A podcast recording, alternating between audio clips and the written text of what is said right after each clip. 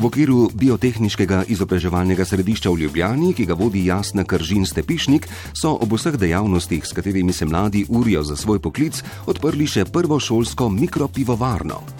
Boris Čok je celovito raziskal tehnike graditve na krasu in jih opisal tudi v nacionalni registr nesnovne kulturne dediščine. Ime tedna pa je postal Simon Horvat z Kemijskega inštituta, na katerem so odkrili gen za vidkost, ki odpira nove možnosti razvoja zdravil za diabetes, povezan z debelostjo. V Sloveniji smo junija dobili prvi muzej baroka, odprli so ga v okviru knjižnice Šmarje pri Jevšah, ki jo vodi Jože Čakš. Dijaki srednje poklicne in strokovne šole v Krškem so pod vodstvom Matica Kozoleta naredili solarni avtomobil, s katerim so zmagali na mednarodni tekmi solarnih vozil v Sisku. Najprostovoljski projekt 2015 in naziv ime tedna pa je pripadel projektu Udarnik mladinskega centra v Velenju oziroma Andreju Cverneku, ki ga vodi.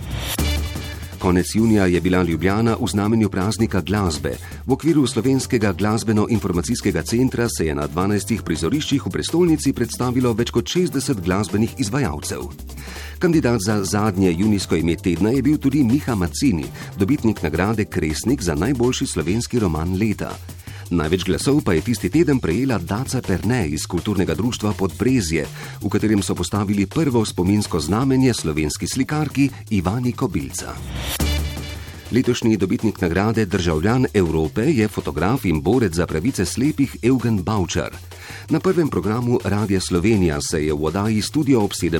v 40 letih v 11 tisoč oddajah zvrstilo več kot 40 tisoč gostov, zato je bila med kandidati za ime tedna tudi urednica Alenka Terlep.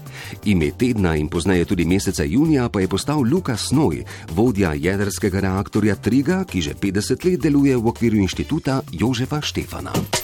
Ime leta.